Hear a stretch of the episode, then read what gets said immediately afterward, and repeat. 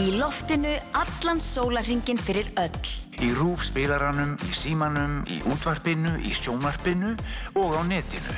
Við erum Rástvö. Fyrst og fremst. Já, komið sæl og blessuð fyrir höst og Rástvö og þetta er þátturinn fram og tilbaka. Ég heiti Felix Bergsson og segi bara gleðilega hátíðalsumul.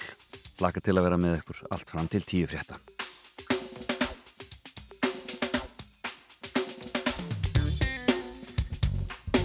Já, það vetur á okkur og lágartölur í kortunum. Um að gera að fylgjast vel með veðurspáni. En samkvæmt hugleðingum veðurfræðings á uh, veðurstofu Íslands á veður.is þá lítur áramóta veðri þokkalega vel út um mestal land en í austanlands bætir jæmt og þétt í vind og ofan komu. Er kemur fram á nýtt ár þannig að þið fyrir austan þið passið upp á ykkur. Og það gerum við líka hér annar staðar á landinu ekki veitir af en við hefum spennandi þátt framöndan síðasti gestur minn í fimmunni á þessu ári er engin önnur en Vanda Sigurgerstóttir eh, formaður KSI sem lætur nú brátt af því ennbætti og uh, hún er með skemmtilega fimmuhand okkur sem við heyrum betur af hér á eftir. Svo ætlum ég svolítið að spila löguna sem við höfum verið að heyra á árinu. Eh, kannski svona það sem að mér fannst svona skemmtilegast. Og svo líka ætla ég aðeins að tekka svona hvað hefur verið að gerast auk þess sem ég ætla að kýla á fréttageturinn. Hér eh, eh, eftir nýju svona þegar, þegar nálgast hálf tíu og uh, þá getur þið ringt í mig 5687123 og tekið þátt í fréttageturinni og þetta er eins og vennilega hjá mér. Þegar ég er með fréttageturinn það þarf að svara þremur í röð spurningum rétt og þá er, eru velun frá flugbjörgunarsveitunum frá landsbyrgu og sem sagt einhverju flugöldapakkar við eigum einhverju að pakka hér eftir til þess að gefa þannig að þeir með að fara hér í velun í, í þessari getraun hjá mér. Og það er bara árið allt 2023 sem er undir í getrauninni þannig að þetta verður spennandi að sjá hvort að þið eigið eftir að, að rúla því upp. Svona kannski einhverjir viðbörðir sem að eru eftirminnilegir á árinu sem koma þar upp en höfum ekki meiri orðum það. Ég byrja á lagi dagsins og að þessu sinni fór ég að leita svolítið í framtíðina svona lög sem að fjallum framtíðina og, um, um, og svona gömulög sem fjallar framtíðina. Ég, yfirleitt er þetta svona í eldri kantarunlægið sem ég byrja hér á. Þá datti niður á þetta lag sem að Margrét Helga Jóhansdóttir eh, leikona syngur. Og eh, þetta er um, já, ætla þetta sé úr saumastofunni eða bara af uh, áfram stelpurplutunni það heitir stið framtíða draumar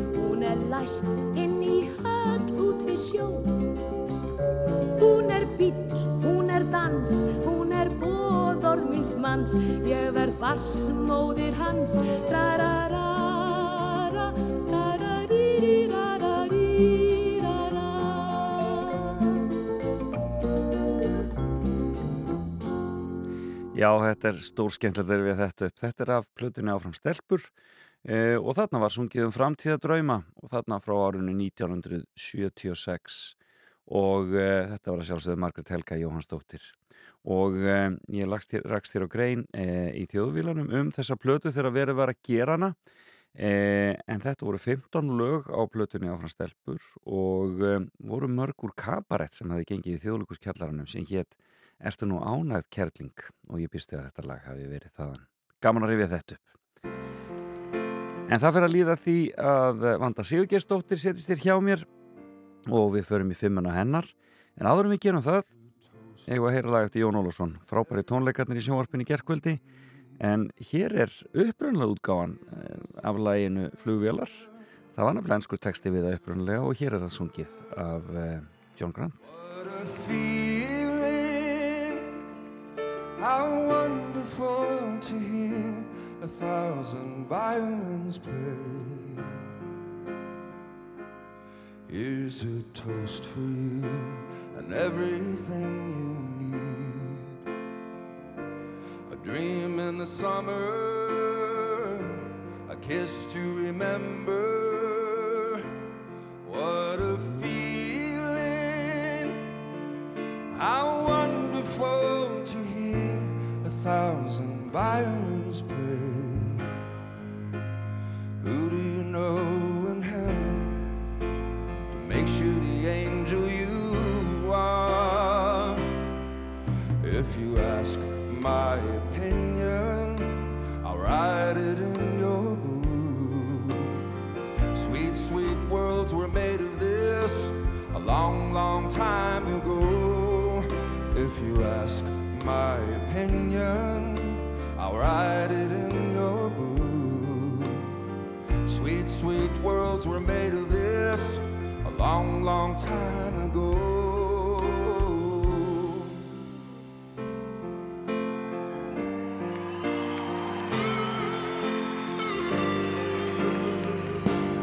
Here's a toast for you and everything you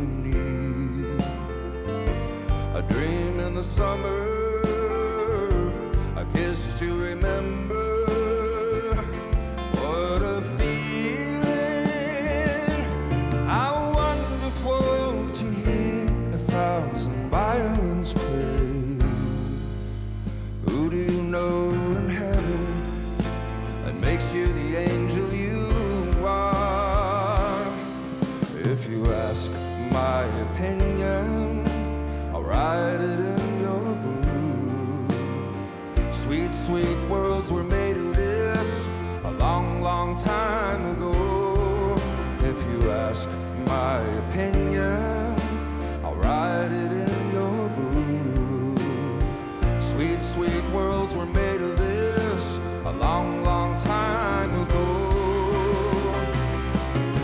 to ask.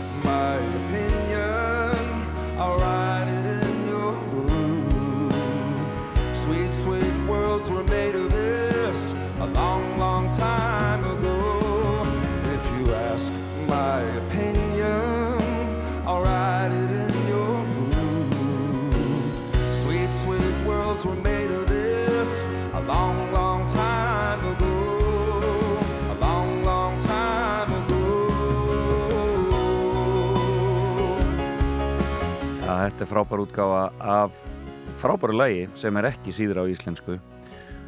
Flugvélar heitir það með ný dönsk en var þarna flutt í, í, í útgáð sem ég held að við örgulega verið fyrsta útgáðan en það var mjög skusti til þessi enski texti Sweet World og þetta söng John Grant lægið.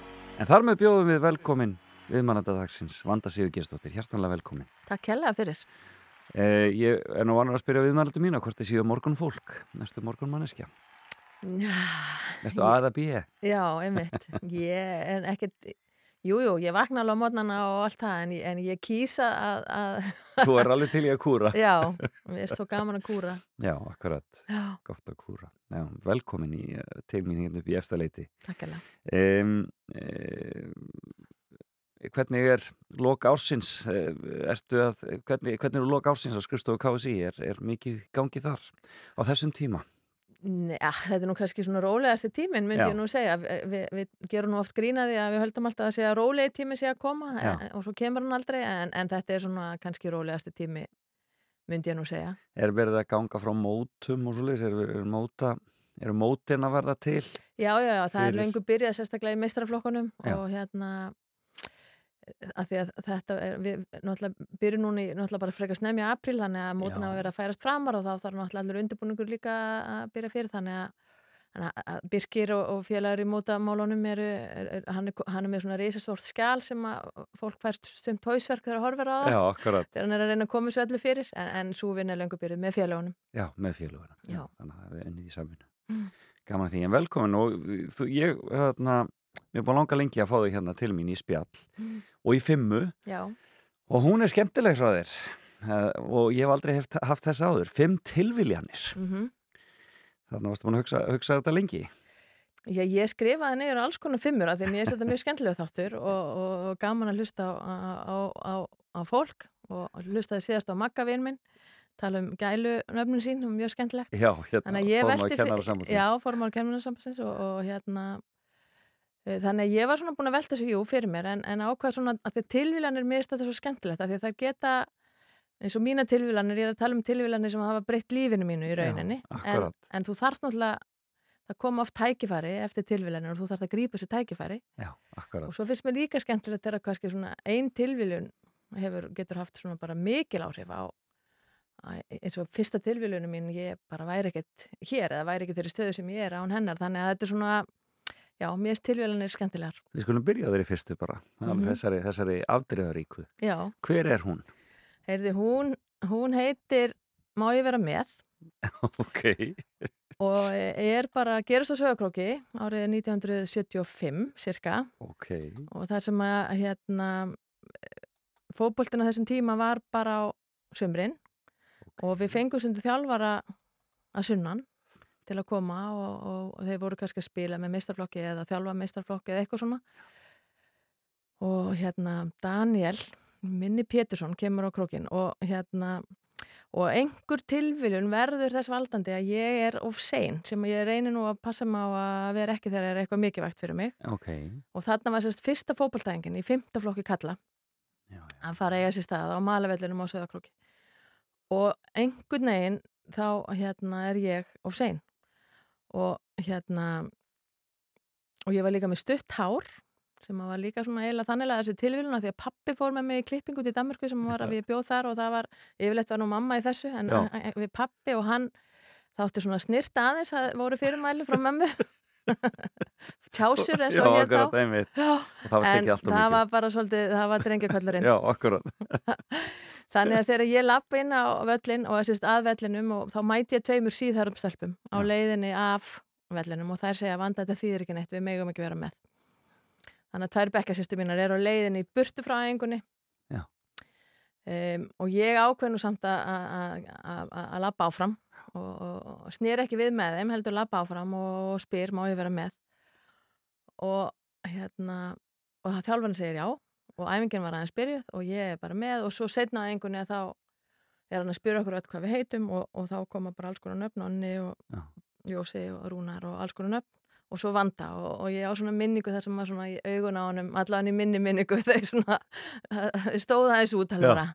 þannig að hérna stekkuðu augun yfir þessu nafni og það væri nú stelpa þarna einhver hjá honum en það voru nú búin að sjá, að sjá að ég gæti eitthvað í fókbalta þannig að ég fekk að vera með og þetta, ég segi sko þessi tilviljun í rauninni það að, að ef ég hefði labbað með þeim og ef ég hefði verið já, og, og eitthvað akkurat. þetta þá hefði ég ekki fengið að vera með og það er að leiðinda því að bjóða sig okkur og hefði ég ekki geta verið í fótbolta í mörg ár, næstu sex árin og, og það hefði haft mjög mikil áhrif af því þá hefði ég öruglega ekki farið áfram í hvernig fótboltan ég ekki farið í landslið, ekki orðið Akkurat. þjálfari og Þetta er alveg makalust. En Þannig var, þannig var þetta þannig að stelpunar fengu bara ekki að vera með. Nei, Það þetta er náttúrulega bara var ekki engin hvernig fótbolta á þessum Nei, tíma og, og hérna nei, nei, þannig að þetta er voru bara ekki, fengu bara ekki að vera með. En þessar tvær sem að gengu þannig burtu komið þar aftur eða? nei, Nei, það dögði ekki til að þú væri komin hann inn, inn í hópin. nei, ég veit svo sem ekkert hvort það er geraðar tilraun eða ekki en hérna en ég var allavega og ég spilaði sex ár, ég spilaði 54 og 3 flokk á, með með strákunum. Já. Já. Og, og varst í liði þá og svo leiðis og bara einn af, ein, ein, ein, af, af hópnum, ein af hópnum. einu bara. hóknum sannarlega og Já. fekk það, fekk að vera ég sjálf, fekk að Já. vera öðru sér heldur en kannski margar stelpur og stelpurnar Já. og, og, og ég er mjög þakklátt og oft, oft þakka fyrir það á söðakróki að, að það er svo auðvelt að byrja einhvern veginn að stríða eða byrja einhvern veginn að senda mér þessi skilabóð ég væri einhvern veginn öðru sér, væri ekki rétt í ef ég er rétt í gæsulöpum Já, en ég fekk ekki þau skilabóð, heldur bara var velkomin og strákarnir tóku mig bara með og stundum var verið að stríða þeim, hvað Já. er þau með stelpiliðinu og þá svöruðu þau bara fullum hálsi þið bara hafið nú enga stelpur sem eru nógu góð til að vera í liðinu og Já, akkurat, þannig að þeir voru alveg bara, þeir stóðu alveg með þeir í þeir þessu.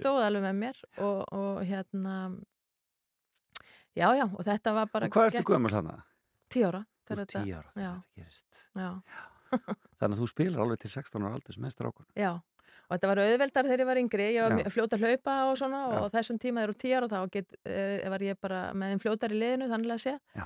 en svo síðast ári ég var svona mjög lengi að, að hérna, stækka, ég fekk hlutverk í skólaleikrитinu í áttundabekka því ég var minnst í skólanum Já, í gagfræðaskólanum á Króknum þannig ég var svona lengi að, að þroskast þannig að þegar ég var komin að eldra árið í þriðaflokk þá var þetta orðið svolítið erfitt af því að ég var langminnst og, og þeir voru orðnir hann að ég man Já. alltaf þegar fórum á Akureyri sérstaklega að spila við Þóra Káa þá hérna lendi ég ansi svona sterkum hávöxtum hérna anstæðingum og þannig að varst þetta var tæk, tækluð af, af, Já, já, já, og það var bara allt í lagi og hérna en eins og ég segi, svona kannski síðast, sérstaklega síðasta ári man ég að það var þetta orðið svona svolítið svona erfitt þannig laga, en ég menna ég spilaði það allt en, en færði mig svo, fór í mentaskólan Akureyri og færði mig yfir í í, í kvennafólktan og þá er kvennafólktan í gang þar fyrir Já, norðan, já. káa.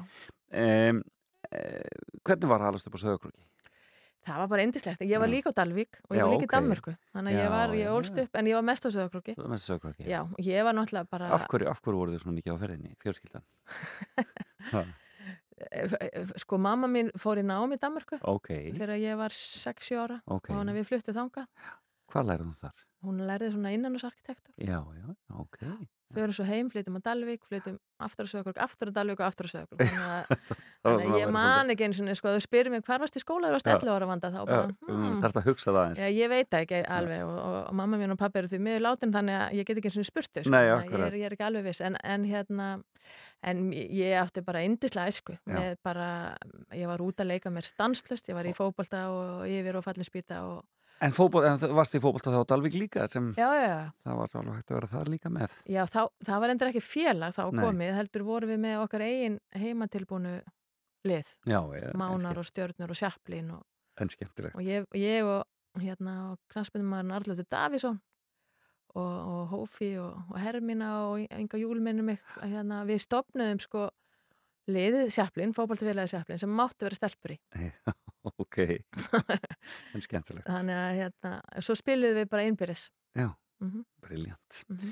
Já, svona er þetta. En þannig að það, þetta hefur semst, þetta var fyrsta tilvílinni sem var breytti í rauninu öllu. Já, og hún hefur bara, það er ekki bara eitthvað svona eitt sem gerist í kjölfarið, heldur bara að það er svona röð af, af, af hlutum sem einhvern veginn gera það síðan að verka mér svo á þann að ég er það sem ég er í dag og er Já. svo sem ég er, þetta hefur náttúrulega bara þessi fótboltaferill og þjálfaraferill og, núna síðast kási, ég hefur hérna formað kási, ég hefur bara haft mikil áhrif á mig Já. og hver ég er. En finn, finnst, fannstu það strax að þetta var eitthvað sem þið langaði til að halda áfram með fótboltinn í rauninni þegar þú að stað var þetta bara, þú veist, fannst að þetta var bara eitthvað það sem þú áttur heima Já, algjörlega, ég var því ég var líka í körubólta, Já. ég var, var í landsliðinu körubólta, Íslands byggamestur í körubólta, það vita Ok. það miklu færri, en hérna, ég var líka í blaki, Já. ég var í hérna, frjálsum, ég var í sundi, ég var á skýðum, Var mikið í skák. íþróttabæir svo- já, já, og bara, þannig að ég var í öllum þessum íþróttum, en, en alltaf þegar ég þurfti að velja og þurfti að fækka, sem að gera svolítið með árunum, þú getur ekki verið í sjö íþróttum. Nei, nei, nákvæmlega ekki Þannig að hérna, þá var það alltaf fótboltinn og ég enda með körfubólta og fótbolta. Já. E, og mér minnir að síðasta tímanbili mitt í körfubólta hafi verið 1991 minni mig Já, og hérna og þannig að það verður alltaf, ég, alltaf þegar það er að velja þá verður alltaf, ég vel alltaf fótboltan. Já. Þannig að hann svona hérna, fylgir mér frá fríminútum í Danmörku þegar ég er í, hérna, í skóla þar og valdi að fara, að vera, ekki vera inni í einhverjum fataleikjum og búningaleikjum með stelpunum heldur fara út og þar voru strákanir í fótbolta og, og, og ég fór með þeim í fótbolta. já, var ekki Eyjólu Sverresson líka í þessu, hann var, Jú. var það ekki köruboltin eða fótboltin hjá honum? Jú, jú, rosa efnilegur köruboltamæður og bara hefði alveg eins geta verið í landsliðinu þar en Já. mínu mati. En fer síðan bara beint í atvinnumensku fótbolta og Já, þarna, þetta var, var ótrúlega saga. Já, Já, já. þetta er svona svolítið svipað. Það- Eða bara beint út tindastól bara vellinum á króknum og, og spilaði með eða eitthvað- 21 árs kallaliðinu Já. og skoraði fullt af mörgum og, Já. og, og svo bara komið til Stuttgart hann maður bara blikkar auðanum Þetta sko. er alveg makalus, makalus sögur. mm En þetta er líka magnað, uh, hvernig þessi, en uh, sko, og síðan fer bara fótboltaferðin þinn á flug þá, Mhm. þarna bara strax 16 ára. Með káa eða ekki? Jú, ég byrjaði að káa var eitt ár með þeim svo bara vorum við ekki, við vorum ekki efstudeild þannig að mér langaði að komast í landsliði og með mikla landsliðströma Já. Eh, þannig að hérna ég skipti yfir í IA sem er önnur svona tilviljun sem er ekki samt eina mínum fimm tilviljun en ég hitti stelpur með gular húur í varmalið í kaupfélaginu og fekk far með þeim á, á fótboltamót á Akureyri og, og skipti svo yfir í IA Þetta er skemmtilegt. að En hver er næsta tilviljun? Heyrðu, næsta, hérna, næsta tilviljun er í rauninni að, að ég fyrir að vinna í félagsmiðstöðinni Árseli Árbæ. Já, og sem var algjör tilviljun að því að mér, einhvern veginn, ég ætla alltaf að vera íþóttukennari, skipti svo um skoðun og vildi vera þjálfari en, en byrja að vinna í vinnuskólanum á Akranesi þegar ég var að spila fótbolta þar á sumurinn og fæði þennan svona félagsmiðstöð áhuga þar ok. tala við yfirmennina mína Einar og Elís þar og svona getið eitthvað hjálpa mér þeir vísa mér á ITR og Já. fríkirkuveg og ég man ég var á landsesæðingu og, og, og fekk skagastelpunar vinkonum mína sem voru með mér í liðinu til að lappa með mér til að fara að sækju vinnu og lappa bara inn á fríkirkuvegin og hitti þar hérna Gísla Átna Eggesson og Ómar Einarsson og, og, og byggðum vinnu. Og einhvern veginn ég veit ekkert hvað gerist en þeir vísa mig upp í Ársel. Þar hitti ég fyrir Átna Guðmusson sem að ræðu mig í rauninu bara á staðnum. En skemmtilegt. Þannig að þetta eru svona, þetta eru svona tvær tilvílanir tengjast þessari. Já, vegna þess að síðan um jólin að þá er, er, er samstagskona mín að fara að gifta sig og fara að flytja til Svíþjóðar, Jónin Ágústóttir og maðurinn hennar er að sækja hana í vinnuna og ég var að fara að skila vídeospól og hann segir á ekki skuttlaðar vanda Logi Sigurfinnsson í hústyrgarðinu núna búin að vera í, í, hérna, í, í, sundljónum og, og hinuhúsinu já, og hann á ekki skuttlaðir að skilja þessari spólu? Og, og ég segi, jú, endilega. Og hann, hann skuttlaði mér og, og ég segi, hvað er þú að gera logi? Og þá fyrir hann að tala um námi sitt í Svíþjóð já. sem er svona frítisleðara nám sem er í rauninni svona tómsendafræði og hérna Frítíðsleðari. já, og ég var bara, vá Og fannst þetta svona spennandi? fannst þetta, fannst þetta rosalega var á þessum tíma ekki búin að ákveða hvað ég ætlaði að læra Þú varst var alveg stúdent hérna frá Akureyri eða hvað? Já, stúdent frá mennskólum Akureyri og svona, hérna, var ekki alveg búin að ákveða mig en, en fannst rosalega gaman að vinna í félagsmyndstöð heyrum þetta nám í þessari bílferð og þannig að þessi bílferð hafði alls konar áhrif á mig en það sem að ég er, ég er raunin að tala um núna þessi tilvílun er orðið einelti sem hefur, einelti sparóttan hefur fyllt mér raunin alveg síðan. E, að því að að því að í bílferðinni þá verði svo spennt ákveða að, að sækja mig þetta nám, fæ inn, fyrir út og einhver tíman á tímabilinu, ég held að þetta hafi verið 89 að þá fer eitt kennari minn að tala um eitthvað sem heitir einelti. Og ég hafði aldrei heyrt þetta orða áður. Já. ég er ekki að segja að það var ekki til en ég hafði aldrei heyrt það. Og þetta hafði bara rosa áhrif á mig. Og ekki að því að ég var einelti sjálf ég útskrifastu grunnskóla með brósafur og, Já. og góða vinn og góða minningar. En ég bara áttaði mig þarna á í fyrsta skipti að það voru ekkert já, hvað þetta væri. Og það voru ekkert allir sem að útskrifuðust. Og allt í hennu kviknuðu ljós, Já. svona, hvert einhverju sem þú hefði séð í, í, Já, í æskunni og, já. og, og rís og bara fekk brjála samvinskupið, það hafi ekki hjálpa meira og, og hérna og bara, þetta hafði bara, bara lífsbreytandi áhrif á mig, ég Já. bara tók hann bara á staðinu, ég fekk tári augun og allt sko Já, og bara hitnaði framann og En þetta og- var semst út í Svíþjóð. þetta var út í Svíþjóð Hvað varstu lengi þá þar út í Svíþjóð? ég var í tvö tvö ár í þessu námi Já. og spila fótbolta líka Að spila fótbolta líka, já, já. þannig að hérna, og það hafði gríðarlega áhrif á mig líka því að ég skrifaði niður alla fótboltaðingarnar og tók með þær heim Já, ok, og notaðir í þinni notaði- þegar það já, kom já, að sem, því. sem hafði bara mikil áhrif að því að sænski fótboltir var komin lengri en svo íslenski á þessum tíma. Já, en, en þetta sagt, ég teki rauninni svona ákvörðun það núti að þetta, ég, ég ætla að berjast á móti þessu. Ég, ég einelti. Ég, ég bara einhvern veginn það hefur bara það mikil áhrif á mig að ég átti mig á því að það, það er fólk að verða fyrir þessu já, og þetta eru ræðilegar afleðingar Já.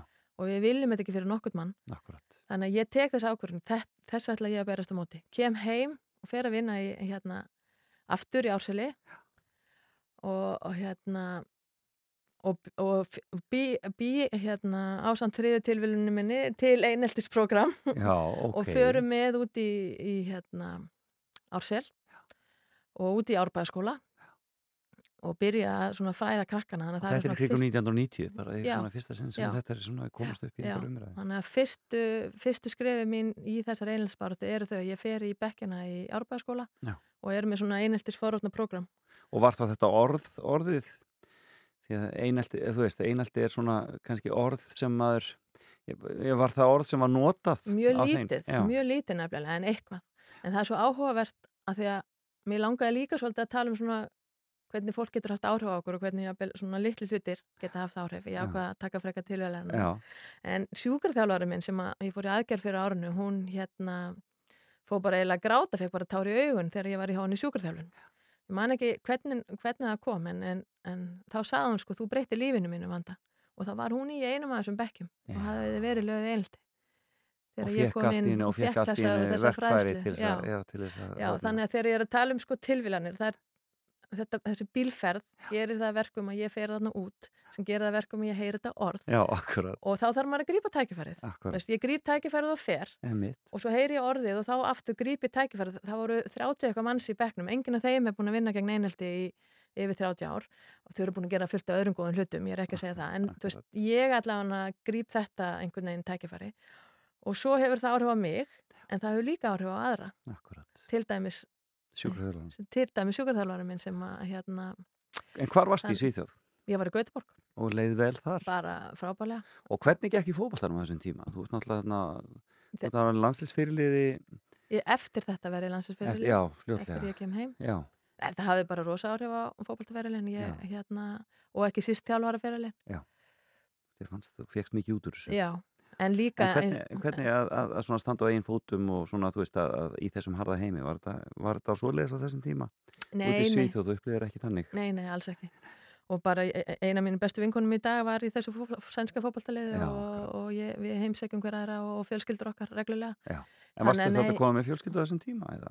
Nei, Nei. ég var það ekki en, en hérna, sem er tilvíðum þrjú Já, ok, við skulum fara hérna- bara, við förum bara í hana fljótlega. Já, en já, þannig ég, nei, mér leið mjög vel í Gautaborg og, og fyrst Gautaborg, frábæborg og, og, og hérna ferðanga mjög oft. Frábært. Sæ, Svíþjóð gott og sænst samfélag gott. Mm. Já, samfélag. að þessum tíma sérstaklega, þeir eru nú aðeins í vandræðum núna Já, eh, með ímislegt, en, en hérna finnst mér, en sem við eigum að læra af, en það er Það er annars að, annar, annar saga, annar þáttur. akkurat, það við tökum hann í okkur enn í góðum, Já, góðu já, tómi. já, já, En hver er þriðja tilvílinn? Nú Heyrðu- bankar ástin. já, nú bankar ástinn.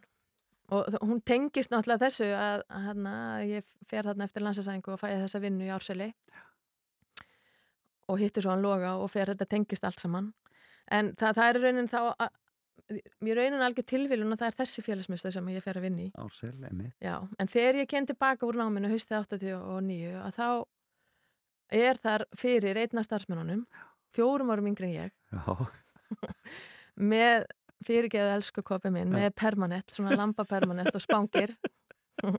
tvítugur gaur. Já, tvítugur gaur, Já, 19 meira svo held ég, nei, já, og ég segi oft að, að þetta var ekki ást fyrir fyrstu sín af minna hálfu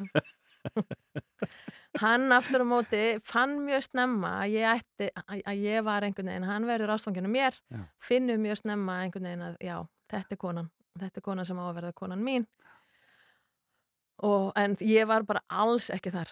Og ég var bara alls ekkert skemmtileg við hann alltaf, hann þurfti til dæmis að fara í aðgerð einu sinni, ég var svona víraði saman í hann og kjálkarnir, hann er ekki grannur maður, hann mátti ekki alveg við því að vera á fljótandi í marga Já. vikur. Og, og hann hafði búið mér í bíó og var að, hann var að reyna náttúrulega við mig og svona. Og hann er, ví- getur ekki opna munnin, hann er víraði saman og segir í bíónu svona með lokaða munnin og það er ekkert að- er að sjá þetta í en ekki- ímynda sér kannski að hann sem er svo mikið varaþurk fyrir getur nú vandvartu með varasóla. Og þá eineltis frömmir er mikli Já, þá, hérna, einmitt, þá fórst að leggja nýja einhelti Já, en nei, nei, alls ekki að leggja einelti, ég vil ekki ónota það orð, Nei, alls akkurat, ekki. nei. Nei, en svona, það, það er ákveðin svona stríðnistundum í mér og svona, þannig að ég segi nei, sleiktu bara að þið varnar sem hann gæti ekki gert næstu tvær vikunar og svo hló ég brjálaslega mikið í bjónu fannst á það einhverju stað þess að, já, já. mér fannst þetta ógislega fyndið, ég er búin að segja þess að hundar sinnum og ég hlæja alltaf mikið, mér finnst þetta svo fyndið. Já.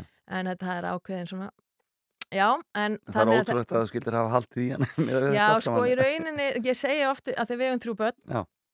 Eru búin að vera giftið 25 ár og ég segi, sko, það, það er ekki mér að þakka. Nei, þetta er allt honum að þakka og þetta er í rauninni sko, af því að það er, við tölum svo mikið um þraut segi í dag. Já, já, og, og á þessum tíma þekkti maður ekki það orð nei, en ég bara, það á að vera mynda þessu manni við hliðin og orðinu þraut segi í Já, hann, hann gafst bara ekki hann gafst bara ekki upp og, og, og hann er bara fyrirmynd annara í því að gefast ekki upp og vera einhvern veginn ákveðinu þess að þetta var ekki létt og stundum vildi ég sko ekki vera með honum en ég vildi heldur einhvern veginn ekki að vera með einum öðrum þannig að þú veist, þetta, ég leta hann bara hérna, vinna fyrir þessu ég heldur betur og ég, eins, og- ég er ekkert stolt af mér sko í gegnum þetta allt saman og, og hérna og bara, já, það er bara algjörlega honum að þakka að þessi börn eru til og, hvenar, og, og hvað eru börnin eitthvað orðin gömul?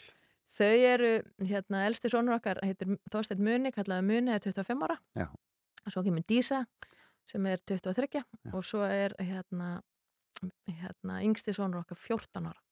og eru þau komin inn í tónstundafræðina eða íþrótturnar? Nei, þau hafa engan áhuga íþróttum, ekkert að þeim, í rauninni. E, voru nú öll í fótbolta einhvern tíman en, en, en hættu voru svona, ég vil að þau séu í íþróttum að þau séu að reyfa sig, það var svona reglan upp grunnskóla. akkurat Þannig að þau pröfuðu alls konar. Eða stelpa mín var nú í, í fótbolta alveg upp hérna út þriðaflokk.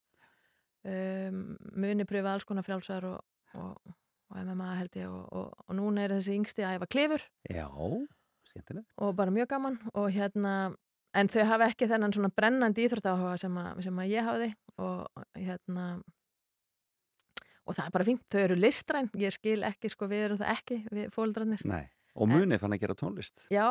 Muni gerir tónlist og hann er hann útskjöfast í fyrirsömmar með hérna bíagráðu í, í fatahönnun frá Já, listaháskólan já, ok. en er síðan að hann er að mála og gera ljóð og hann er að gera tónlist og, og hann er fött, þannig að hann er svona alliða listamæður. Og það er óskalæðið Það er óskalæð. Það er hljónstinn hans sem heitir uh, Vill Já, þeir voru, þeir gáðu plötu að minni 2021, Jói P. Ísidór og, og Muni Já. Og hérna, það er, ég á nokkur óskalög að þessari plötu en hérna, en ég valdi eitt, Þúsund nætur, þúsund nætur. heyrum það.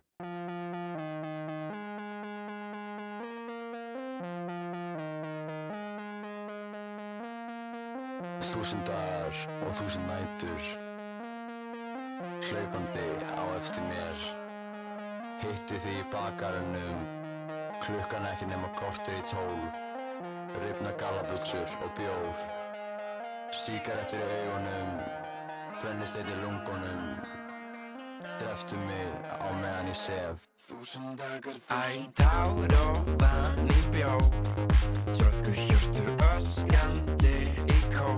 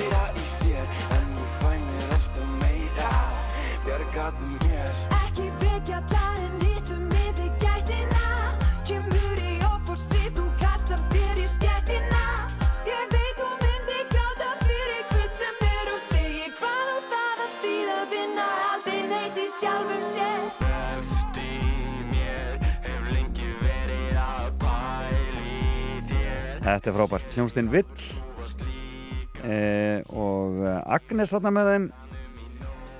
Og eh, þetta lag heitir Þúsund nætur. Og þetta er valið við mannata míns sem að setur hérna hjá mér og heitir Vanda Sigurgersdóttir formaði KSI knasputnu kona fyrirhandi og körfuboltakona og eh, já, lektor í eh, íþróttafræðum og, og tómstundafræðum Já, ekki íþróttarendar. Aldrei íþróttarendar, í Tómstunda og tómstundafræðum. félagsmálfræðum, já. tómstund og félagsmálafræðum Mm Ertu að fara í það aftur? Ég er að fara í það. Já. Það er einmitt tilvílum fjögur, en hérna ég er að fara í það, já, tilbaka. Já. Þannig að það, svona þessar fjögur og fimm snúast svolítið um, um, um, um það, svona að ég er að fara tilbaka í, hérna, en ég þarf náttúrulega að fara tilbaka í eitthvað Já, og, hvernig einhvern veginn var það til, það, það er líka svolítið skemmtilega sögur finnst mér. En, Já, byrjum, byrjum á, tilvílum fjögur. Já, Við erum búin sko með, við erum búin með, sko. Það er hérna þegar þú varst aðeins og sein á æfingun á Söðurkróki, 75, Já. og fjekst þar alveg að vera með á æfingu sem að hina stelpunum fengu ekki að vera með á. mhm, Eh, og þar með að fótboltinn kominn. Fer svo þegar þú fórst að vinna í Ársel í Eh, og færði áhuga tónstundafræðinni mhm. og svo þegar að hérna, þú hittir Jakob fyrir algjörðu tilvín af því þú fórst að vinna í Árseli. Já, og heyrið þarna náttúrulega orðið einelti í skólanum sem akkurat. er búið að fylgja mér, þessi baráttakann einelti er búin að fylgja mér og ég hérna setti til dæmis bjóti námskeið í háskólanum sem að heitir einelti forvarnar yngripp og, og, og er bara búin að að vera að vinna, ég er búin að hitta bara 20.000, ég er búin að hitta meir en 10.000 fóreldra til dæmis og, og, búin að hitta bara og fullta krökkum og í þúsundum talið og, og kennara og fagfólk, þannig að þetta er eitthvað svona já, þetta, Þau hefur breytt alveg lífið þínu. já, og hefur bara svona haft áhrif á bara svona þetta er bara í hjartan mínu, þessi barða því ég vil ekki að ég vil að við séum góð hvert annað og, og, ég hef einhvern veginn ákveðið að helga allan að hluta lífinu mínu þessari barða En hver er fjóra tilvílin? hún, hún er svona sagana, það, það er háskólinn. Og, og, og Jakob maðurinn minn, hann tengist, hann tengist henni vegna þess að hann er um, við kynumst þarna í árseli og, og hérna og eftir fimm árum setna tók sko fimm ár þessi eldingarleikur að hérna að þessi ótrúlega þrautsega í manninum já, sem að ég er mjög þakklátt fyrir. Takk elsku kopi minn fyrir að hafa ekki gefist upp á mér. Um, en hann verður síðan hann fer úr, úr ársæli og verður hérna fræðslustjóri í TR Já, sem er já, íþrótt og tómsóttur Reykjavíkur einmitt. og eitt af því sem hann var að gera þar var að íta á kennaraháskólan, Óla Proppi og, og svona kennarháskólan um að koma með nám að því að, að það, var- það, við vorum með nám fyrir þroskaþjálfa, fyrir leikskólakennara, fyrir grunnskólakennara og alls konar svona nám Já. en það vantaði í rauninni nám fyrir fólk sem var að vinna í félagsmyndstöðum og þannig eru líka frísindaheimilin að koma Já. Þannig að okkur vantaði líka nám þarna. Það, allir sem að, hérna, vildu læra þetta hefur þurft að fara, margir fóru til Svíþjóð mjög margir fóru í sama skóla og ég í, í Gautaborg. Já. en það var í rauninni ekkert nám hér á landi til þess að svona ebla fagmennsku okkar í frítímanum og í tómstundum, batna og fullorðina Já. þannig að hann er svolítið að íta á þetta. Um, og þeir ákveða síðan Ellingu Jóhansson sem er, hérna, og Ólafur Proppi og, þeir, og síðan er með þeim Helgi Grímsson. Og þeir eru sérst að raunin að skipilegja þetta nám fyrir einhverju tilvílun sem ég veit ekki hvað gerist raunin alveg, ég þekki þess að ekki alveg nóg vel en einhvern veginn svona er hún að Helgi Grímsson sem að ætlaði að fara að vinna og er í rauninni með í að búa þetta til þetta, þetta var diplómanám fyrst, tveggja ára diplómanám Ok. í Tómasóttu félagsmálfræði hann er ráðin skólastjóri í lauganiskóla Já, já. Yey.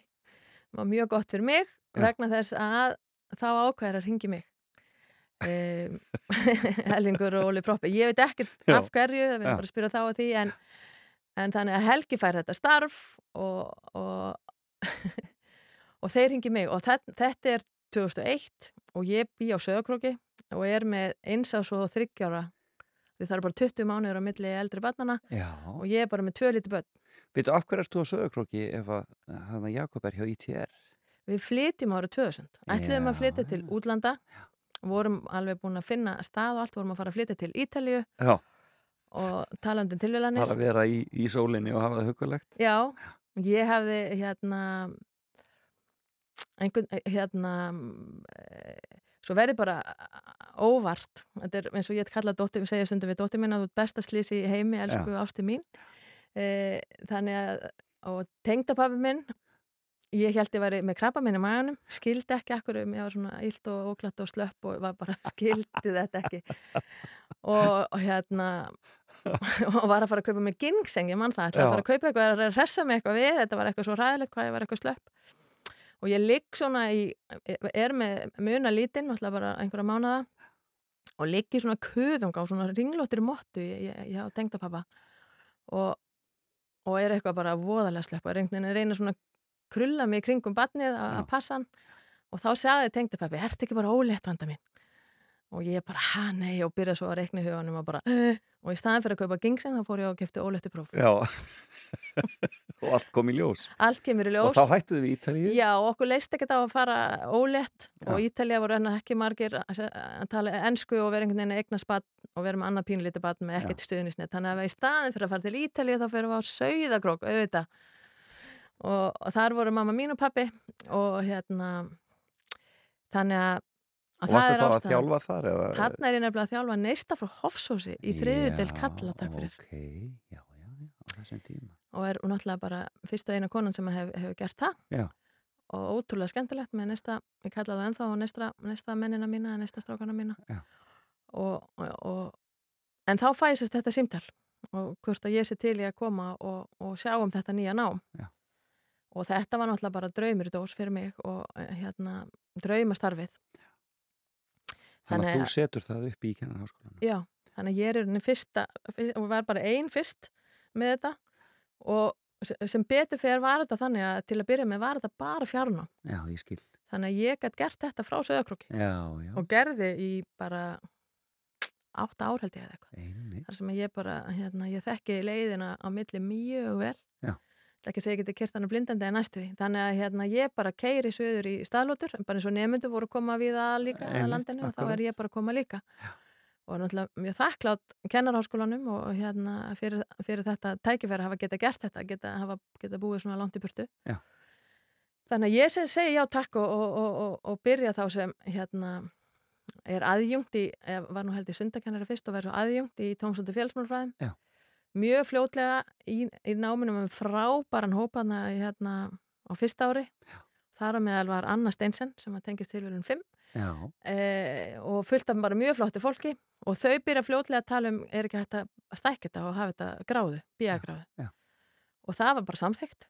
Þannig að við bara búum og, og, ég og, og, og fleira gott fólk í kennarháskólanum þá með mér og við búum til e, gráðu. Þannig að þetta verður bíagráða í tómsötu félagsmálfræði uh, síðan hérna Átni Guðmundsson sem réð mig ársælu sín tíma ég er, er, hann kemur inn og Jakob, maður minn, hann kemur líka inn hann að við erum hann að þrjú í svolítinn tíma um, svo verður saminning sérst kennarháskóli Íslands og Háskóli Íslands Einmitt. saminast Akkurat. og þá breytist þetta í að verða hérna staðnám og, og þá flyttum við söður Ok, þannig að þið Og- voruð aftur bara tíu ára hana Já, við reynda tókum tvö ár, tengdapappi minn vektist og, og við vildum svona, fekk Alzheimer, við vildum svona taka þátt í því og, Já. hérna, og Og flyttum söður, flyttum aftur norður eftir að hann deyr og, og vorum svo alveg til 2010 og Já. leið frábælega, það var indislegt að ala börnun okkur upp þarna í, á króknum og með góðu fólki og, og, og mikið að skild fólki og, og, og bara indislegt í alla staði, stutt í náttúruna og, Já. og, og, og frábær skóli, þannig að við höfum það rosalega gott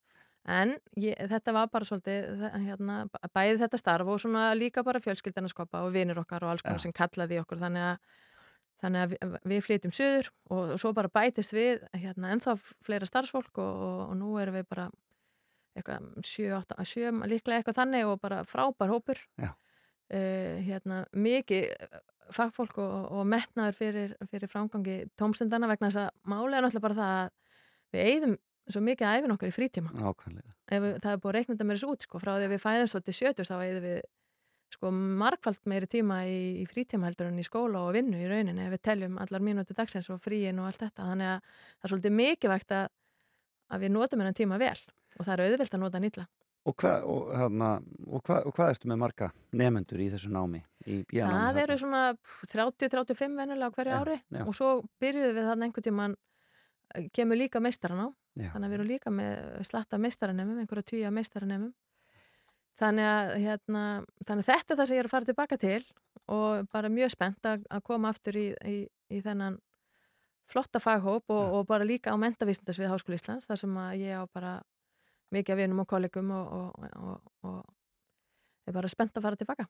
Briljant. Hver er fymta, en hver er fymta tilvílin? Tíminn að hlaupa frá okkur. Tíminn er þegar maður- já, þá hún er Anna Steinsen sem að ég í rauninni hafði kannski spilað fótboltamótinni, Arna Steinsen, sýsternar var nú líka svona áhrifavaldur í mínu lífi, hún tók mig með sér að þjálfa við 16 og 17 og sínum tíma þegar hún var ólétt, þannig að þannig fór ég svona inn í landsisjálfun um, en ég spila móti önnu og ég að þekkti pappina var í káur þegar ég var að þjálfa þar, þannig að ég þekkti þessa fjölskyldu. Brynja var hjá mér í yngirlandsliðum og eitthvað svona. Þannig að hérna og svo kemur hún í námið og, og ég man að hún var, fór síðan í Dale Carnegie. Já, já. og hérna með mannin sinum, hún og nonna. Og þau eru að vinna þar með, með Dale Carnegie fyrir ungt fólk. Og ég hafði stundum sendt svona þegar ég var að vinna í einhverjum svona einheldsmálum þá hafði ég stundum sendt til hennar krakka. Eh, en eh, við vorum svo sem ekkert að umgangast ég hafði aldrei hitt nonna einu sinni þannig að, en svo heyri ég fyrir einhverja algjöra tilvíluna því ég var búin að vera í smá svona tíma að leita mér að það var einhver sem sagði við mig vanda þú þarfst að fara að gera fyrirtæki kringum fyrirlestana hérna Ok. ég var með svona fræðslu um einheltismálin og, og það var einhver svona sem sagði þú þarfst að fara að gera fyrirtæki kringum þetta. þannig að ég var búin að vera í svolítinn tíma og nokkur ára að spáði það, hafði með þess að rætt við, við eina vinkonu mína, hvort hún vildi koma með og hún, hún átti ekki kosta því og, og svo bara heyri ég fyrir algjöra tilviljun að Anna Steinsen er hætt í deil Já, já. og ég var mjög snögg að grípa síman og ringi hana og við kopi og hún kom og, og, og, fundaði með okkur. Og, og við spyrjum í rauninni leggjum fram þessa tillögu að, við stopnum fyrirtæki saman. Og henni fannst þetta mjög spennandi fór heim og talaði við mann sinni og hún fannst þetta líka spennandi. Þannig að úr verður að við ákveðum að stopna fyrirtæki saman. Förum á Hofsós af öllum góðum stöðum að því að það er á fjölskylda mín hús, mamma mín er frá Hofsósi Já, beintamóti sundlauginni, þessari indislegu sundlaug. Og við förum á Hofsós og, og, og finnum nafni Kvan e, sem að er þá Koppi vanda Anna Nonni, við vorum búin að leita við vorum með heilan vegg hérna í hérna í post-it miðum með, með, með svona uppástungum af nöfnum en það var eiginlega öll flottustu nöfnum voru svona frátekinn þannig að við förum að leika okkur með, með stafin okkar og hérna þetta er í þeir sem að sá Tom, nei, hérna, Tom Cruise já og í Jerry Maguire myndin þá fer hann að tala um The Quan já. sem er svona kærleikur og samfélag og svo myndum við gildin kærleikur við náttúrulega alveg að nám og úr verður þetta sem að ég vil bara segja kærleiksfyrirtæki sem að er með stórt hjarta og vill láta gott að sér leiða og, og hjálpa bönnum og, og, og fólki að hérna Og er ennþá í gangi? er ennþá í gangi og bara eh, erum meira þess að koma með sko ferðaskrifstofu líka sem er að fara í svona ferði með kennara og leikskólkennara og fagfólk og alls konar og hérna og mikið að námskeiðum leiðtóðanámskeið og við náttu þjálfum námskeið fyrir börn og, og, og námskeið fyrir verkverkist og námskeið fyrir kennara og bekkjastjórn og námskeið og Og í þetta allar aftur núna. Já, þannig að ég er að fara tilbaki þetta tvent í rauninni, háskólan og, og, og, og hvaðan sem ég var í áður en að ég, áður en að ég fór í, í kási. Þannig að ég er bara eins og það búið að vera gaman í, í þessu starfi í kási og, og, og náttúrulega mikil áskorun og, og allt það, þá, þá kallar þetta á mig og tógar mig til sín. Vanda sig ekki stóttir. Tíminu hlaupin frá okkur. Mm -hmm. Auglýsingarna kalla. Takk Auglýsingarna kalla. Ég segi gleðilegt nýtt ár. Takk fyrir að koma í fram og tilbaka. Takk fyrir að fá mig. Fjölbreytt skemmtun allar helgar. Tónlist og grín, við erum Rástfö. Fyrst og fremst. Hvernig sem verður Hvernig sem er Ég vona að þú finnir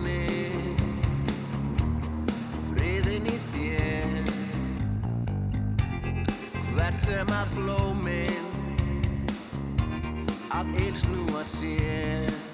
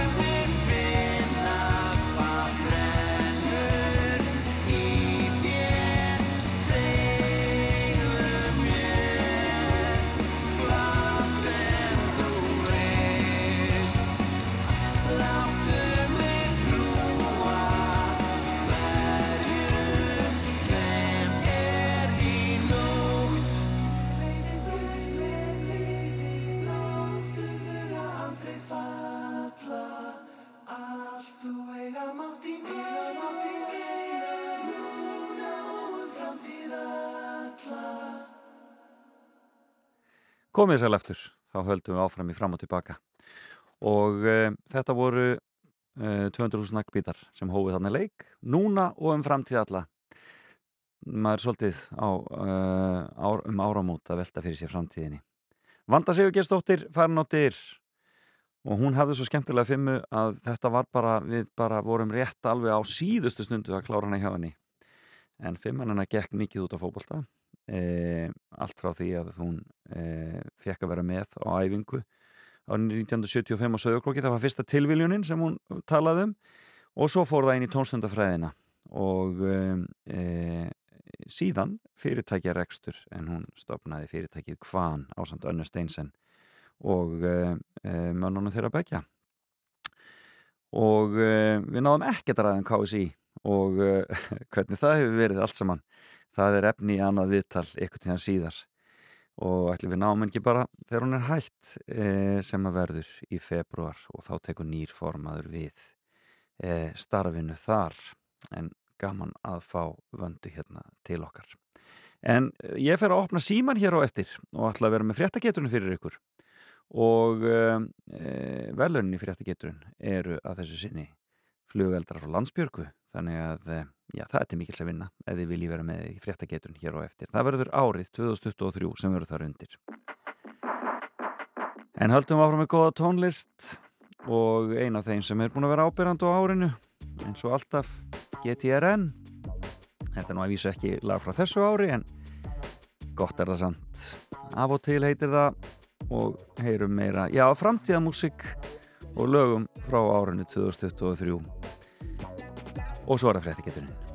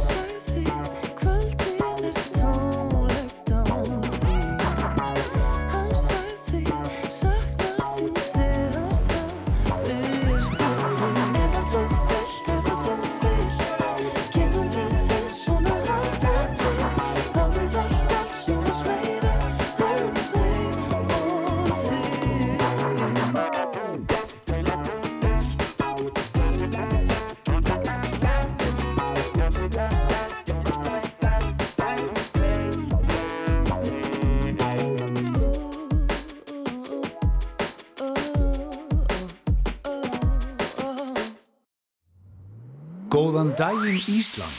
Fram og tilbaka á Rástvö.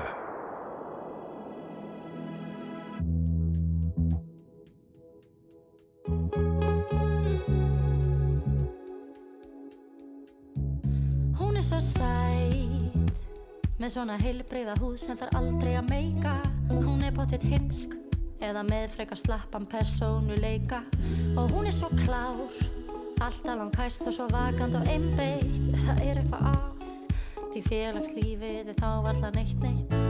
Þarf ég að rífa eina niður til að hífa mig? Upp Er ekki pláss fyrir fleiri.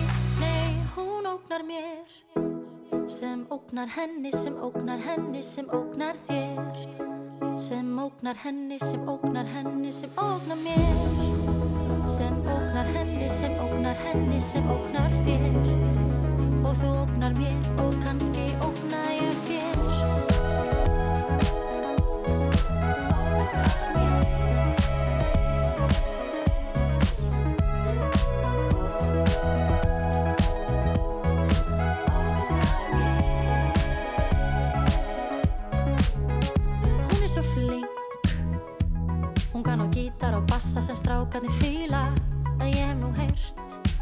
sé svolítið erfitt við hana að díla. Og hún er svo snjöll Allir hlusta og hlæja þegar hún opnar munnin En eftir tvö ár verður fræðarsól hennar eflaust úr brunnin Þar ég að rífa eina niður til að hífa mig upp Er ekki pláss fyrir fleiri. Og til að hrífa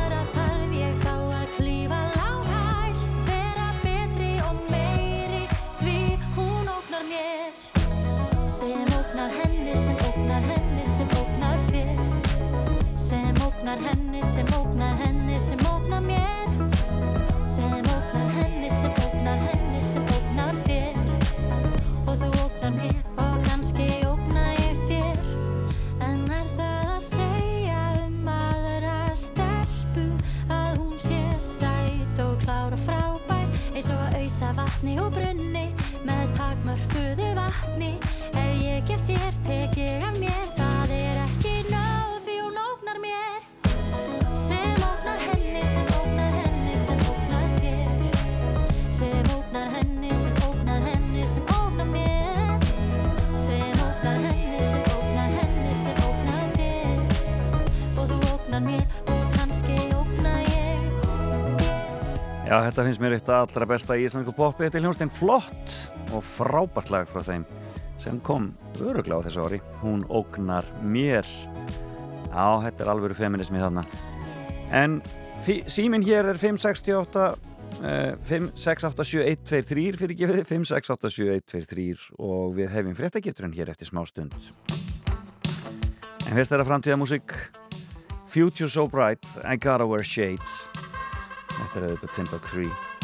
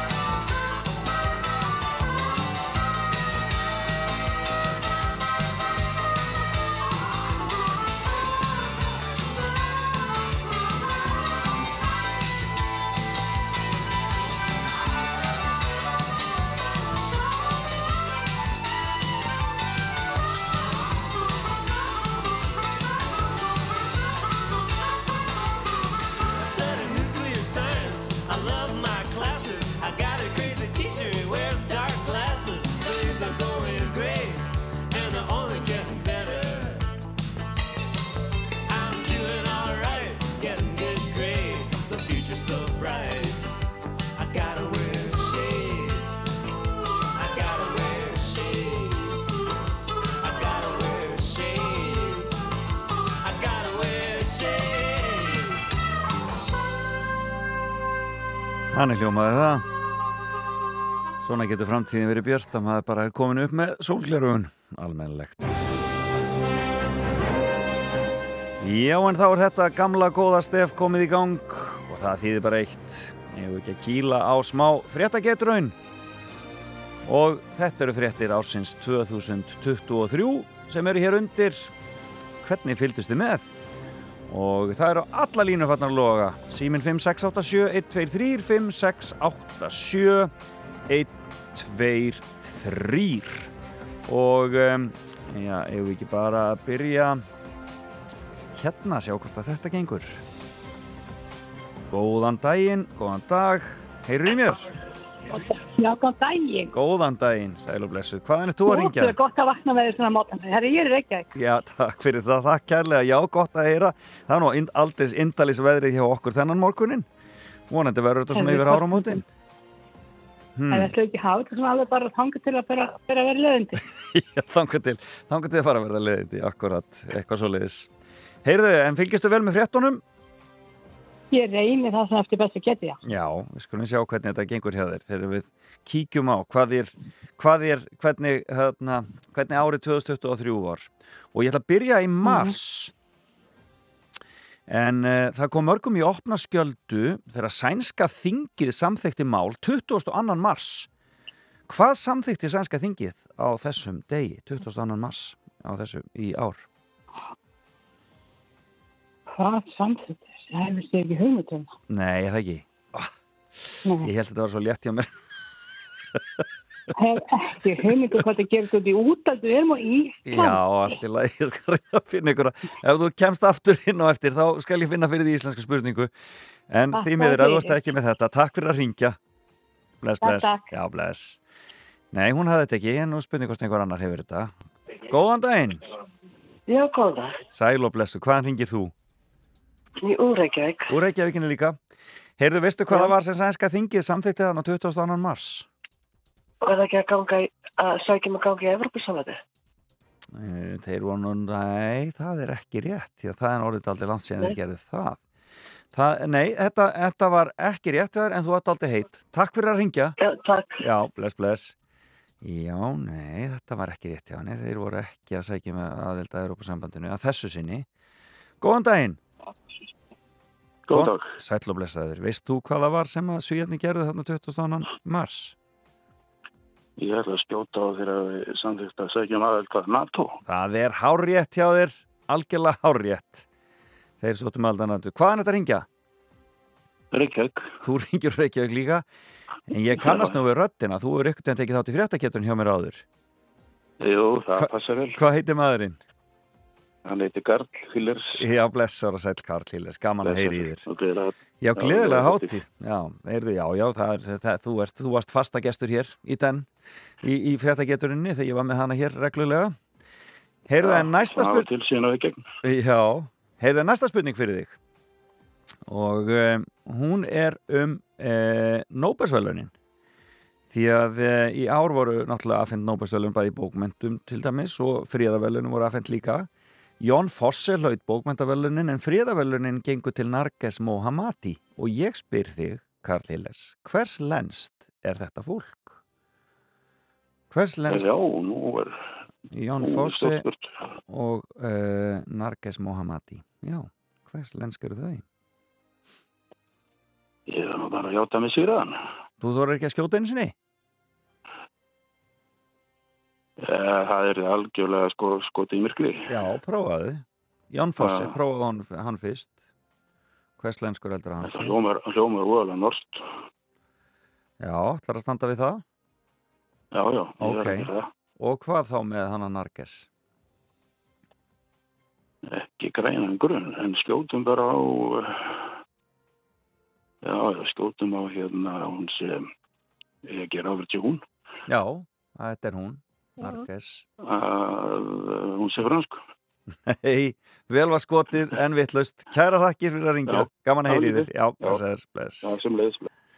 Nei, hún er ekki, hún er ekki frönsk. Hún er ekki frönsk. En Jón Fossi er norskur. Góðan daginn. Góðan daginn. Við erum komið helmingin af, af, spurn, af þessu svari þarna. En ertu með setni helmingin? Senst Jón Fossi er norskur. Ég- en hver, hvers lensk er hún Narges Mohammadi sem fekk fríðavelun Nobels? Uh, Friðavelinu byrju, hún er, skal ég segja, Já, nú er að skjóta. nei ég er ekki með þetta, er hún, já, er hún uh, skjótum bara á sírilensk? Það er vel skotið en ekki rétt. Takk fyrir að ringja. Við að helsa heimilið. Takk, bless, bless.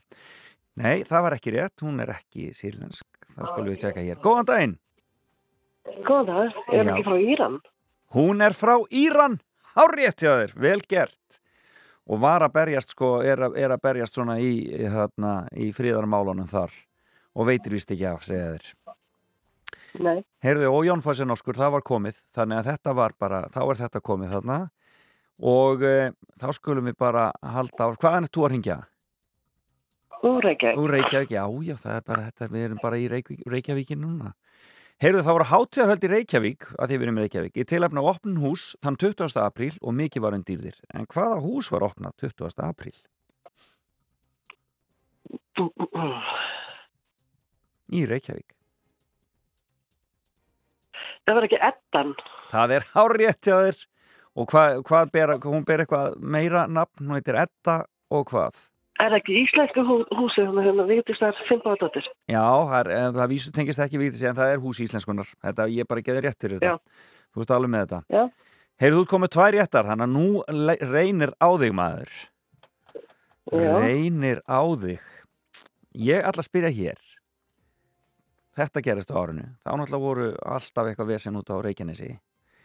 En hvaða dag var Grindavík rýmd vegna jarðskjálta og hættu og eldgósi? Hvernig var, hún var ringt núna, var ekki enda nóvember. Já, nú vil ég fá daginn sko. Það eru sex ykkur síðan. Hvað segir þau? Er ekki sex ykkur síðan? Rúmar. Ég, hvaða dag? Ég er að spyrja hvaða dag var rýmt. Ertu með það? Vittu nú við. Má sjá. Já, ég skjóttu nú. Hvað heldur ef það eru sex vikur síðan? Má sjá. Hvaða dag segir þau? Það er skrifa fjóra, fimm. Ef það er sex, er því 27. 8. nóvember. Neip, ekki rétt. En vel var skotið. Kæra þakki fyrir að ringja. Já, takk. Takk, já, bless. Heyrðu, þá byrjum við bara alveg upp á nýtt. Hún var ekki með þetta, en það eru greinilega margi með þetta, því að það er mikið ring. Góðan daginn! Já, góðan daginn. Hvaða dag var Grindavík rýmt? 8. november. Það er ekki rétt. Ekki hefð? Takk fyrir að já. Takk, já, bless, bless. Ég veit, ég vissi að þetta var grindvíkingur sem fór þann dag, en þetta, er, þetta mun ekki verið rétt. Góðan daginn! Góðan daginn. Veistu hvaða dag Grindavík var rýmt? 8. november. Nei, ekki átjónda. Ó, ok. Vel var skotið. Takk. Takk fyrir, já, bless. Nei, það var ekki átjónda. Já, hérna, ég, ég held að þetta kemur strax. Góðan daginn! Hæ, Veist þú hvernig Grindavík var rýmt? uh, Grindavík er rým. Já. Uh, Býta aðeins, Hvaða dag? 30. november. Ekki Það er rí- 19. 19. nú- november. Já, 19. já, nei, ekki heldur. Vel var skotið. Takk fyrir að ringja. Já, bless. Nei, þetta er nefnilega ekki rétt. Þá sparar höldum við áfram hér í næsta. Góðan daginn. Góðan daginn, var það 12. november? Nei, ekki mun það vera, nei. En takk fyrir að ringja. Takk. Við erum bara að vera búið með magnið af dögunum í nóvumber. Góðan daginn. Já, góðan dag. Veist þú hvernig Grindavík var rýmt? Ég held að það hefur verið 10. november. Það var 10. november, hár rétt hjá þér. Það stendur að vísa á Wikipedia að það hafi verið 11. november en þetta var þarna bara kvöldi 10. sem að fólki var í rauninni skipað að fara. Og ég man þetta svo vel því að ég átti að vera með þátt hér að mótni 11. november og hann var upptekinn hjá mér og, og hérna af því að var, við vorum komið hérna lifandi vakt eða semst með fólk sem var hér á vaktin allan sólarhingin þá var þættinu mínum hendi ruslið og, og einhver annar tók vaktina þann morgunin því að þetta var 10. november. Heyrðu, hvaðan er þetta að hringja? Ég er Reykjavík. Þú ert í Reykjavík, heyrðu þá spyr ég þig. Það gekk mikið á í Bretlandi, tvo laugardaga í mæ, þann 7. og 13. Og ég spyr, hvað gerðist þessa tvo laugardaga í mæ í Bretlandi? 7. og 13. mæ. Uh, getur að hefur verið sko krýning Karls Já, konungs hjá þér. og síðan uh, afmæli uh, held að sé afmæli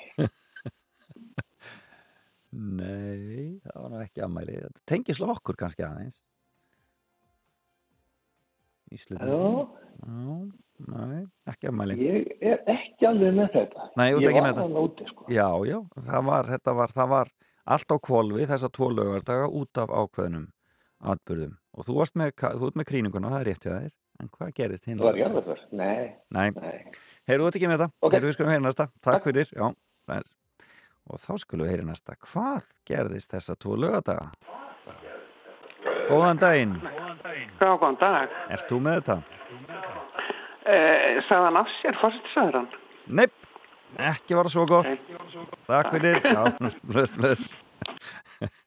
Ég myndi það nú ekki kannski þannig að það var eitthvað annað sem gerðist. Góðan daginn. Hæ, Hæ, veist, Eh, er það kríningin, krí, já, kríningin og Júróðsson? það er hárétt hjá þér. Þú ert sko með Já, þitt á hreinu sko. Kríningin og Eurovision. Það, er, sko, það var bara allt á kvolvu út á Já. Eurovision í Liverpool sko, þann 13. en þann 7. var það kríningin. Þetta er mjög gott hjá þér. Vel Mhm. gert, vel gert. Heyrðu, þá var spurning hvort að Já. við náum að klára þetta. Heyrðu, uh, það var, hvað er þetta að ringja? Uh, bara ég er í bílnum, uh, ég er í hafna, ég var bara á hellu í skýr, Já, já, já, ég er á skýr og já, ég er á heima í hafna. þannig að þú ert ekki semst að keira. Uh, jú, ég er smá að keira, jú, ég er að keira. Já, Þarna, já, já, já, ok. Ég vona þú sér, já, hvað er það? Heyrðu, næsta spurning já, er svona. mamma að keira. Fyrsta júlí Já. Var stór og júlí. Já, það var stór og dálítið dapurlegu dagur í bíósögu landsins og nú er spurning hvort þið mamma munið hvað gerðist á þeim degi, hvað gerðist það? Háskó, háskóla bíó lokaði. Það er hárrétt hjá, þið eru með þetta Þið eru komið tvö Heyrðu, þá bara færðu þriðju hér og að því að þú ert svo góð í Eurovision, er þetta strákur eða stelpa? Ég, eh, strákur, ég er strákur. Þú ert strákur, já, fyrir ekki að þú ert svona góður í Eurovision þá spyr ég Já. hvaða land vann Eurovision og hvað hétt listamæðurinn?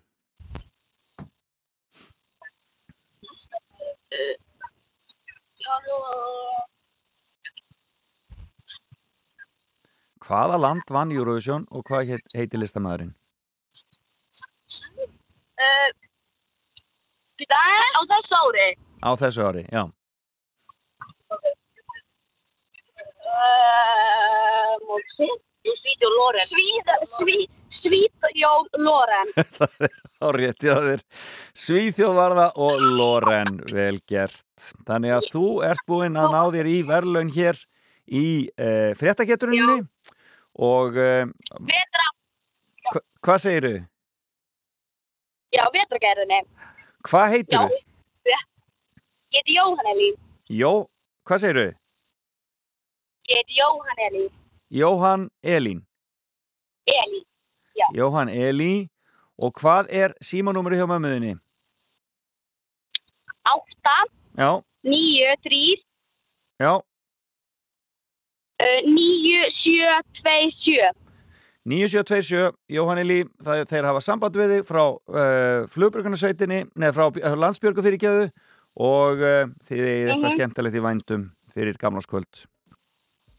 Ok, takk hella fyrir. Kæra þakki fyrir að ringja Gleðilegt nýtt ár. sömuleiðis og góða ferð, bless bless.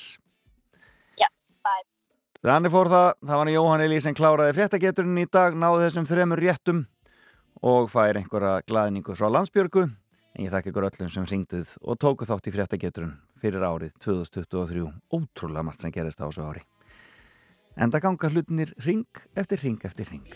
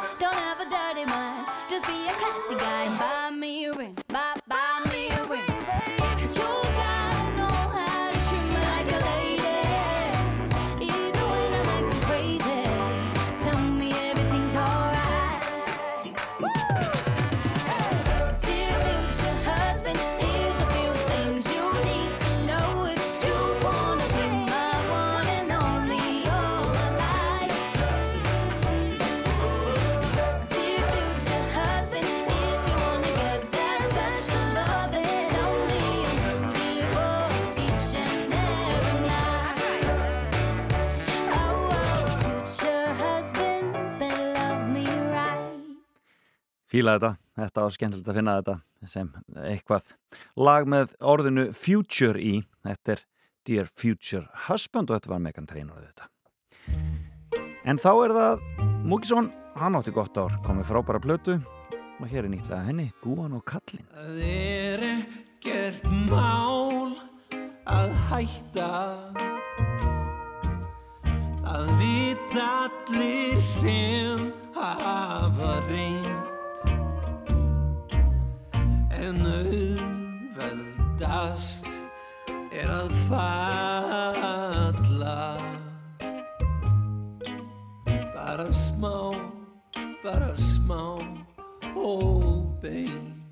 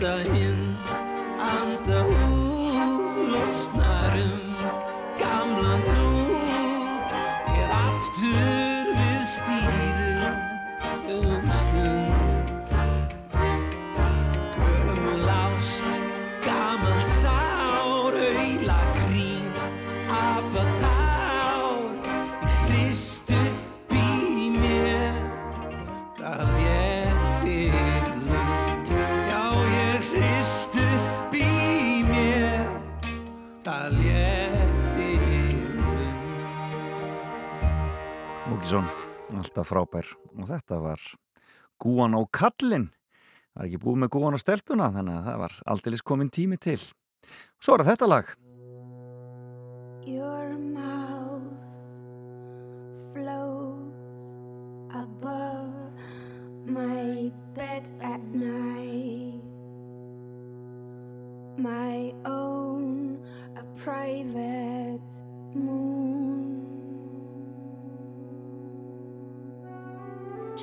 Because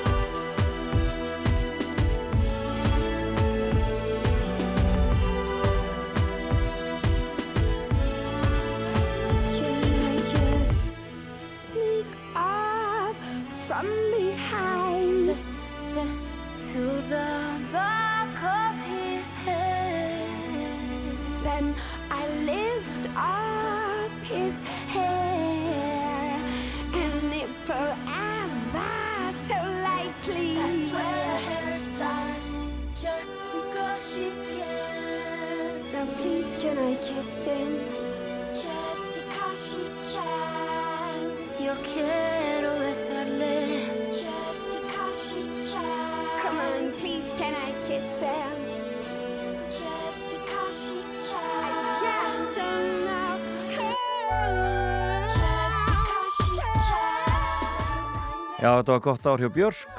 Hún ferðast um heiminn og hjælt tónleika víða, glæsilega tónleika. E, og svo enda hún árið á að gefa þetta lag út. Oral heitir það og þetta syngur hún með Rosalie og mér skilst að þetta sé eldra lag frá henni sem hún bara dustaði ríkið af sérstaklega e, til að taka það með Rosalie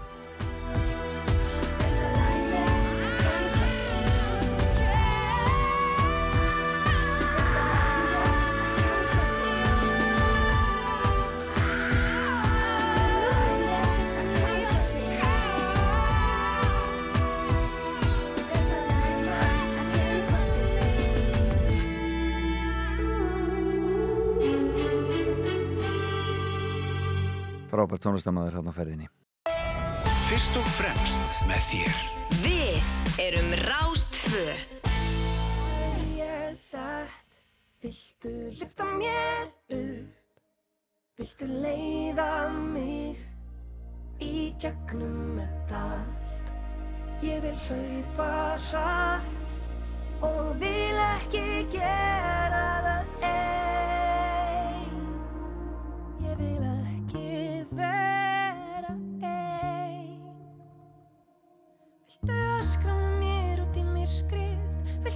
Dansa hér látt fram á nótt? Grænja svo hlátri Enginn skilur neitt Viltu svara mér þegar ég ringi? Viltu hlusta á mig tala í ringi svo lengi að við sopnum og leysum ekki neitt Því ég þarf ekki svör, ég þarf engin ráð Ég vil bara getum verið við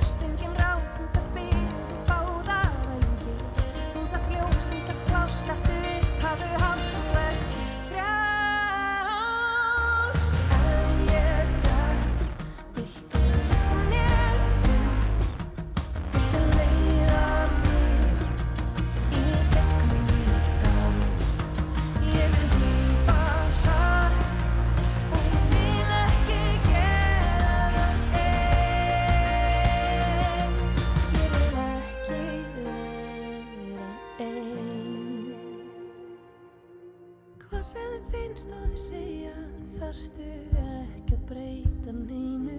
Fyndu stoltið, vertu þú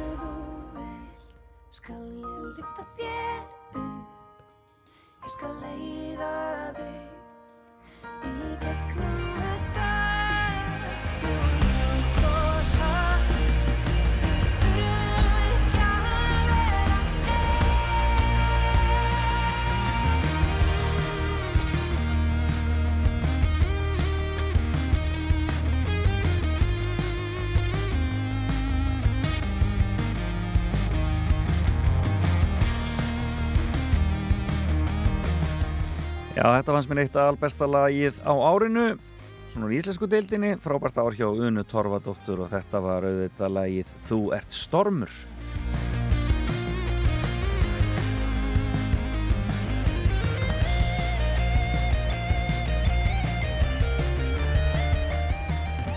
En þetta er búið hjá mér í dag og ég á bara eitt lag eftir í dag e, og það fer að e, líða því að Salka Sól takk ég við eftir tíu fréttinnar hún ætlar að senda út frá Akureyri í dag þannig að það verður gaman að heyra í henni þaðan.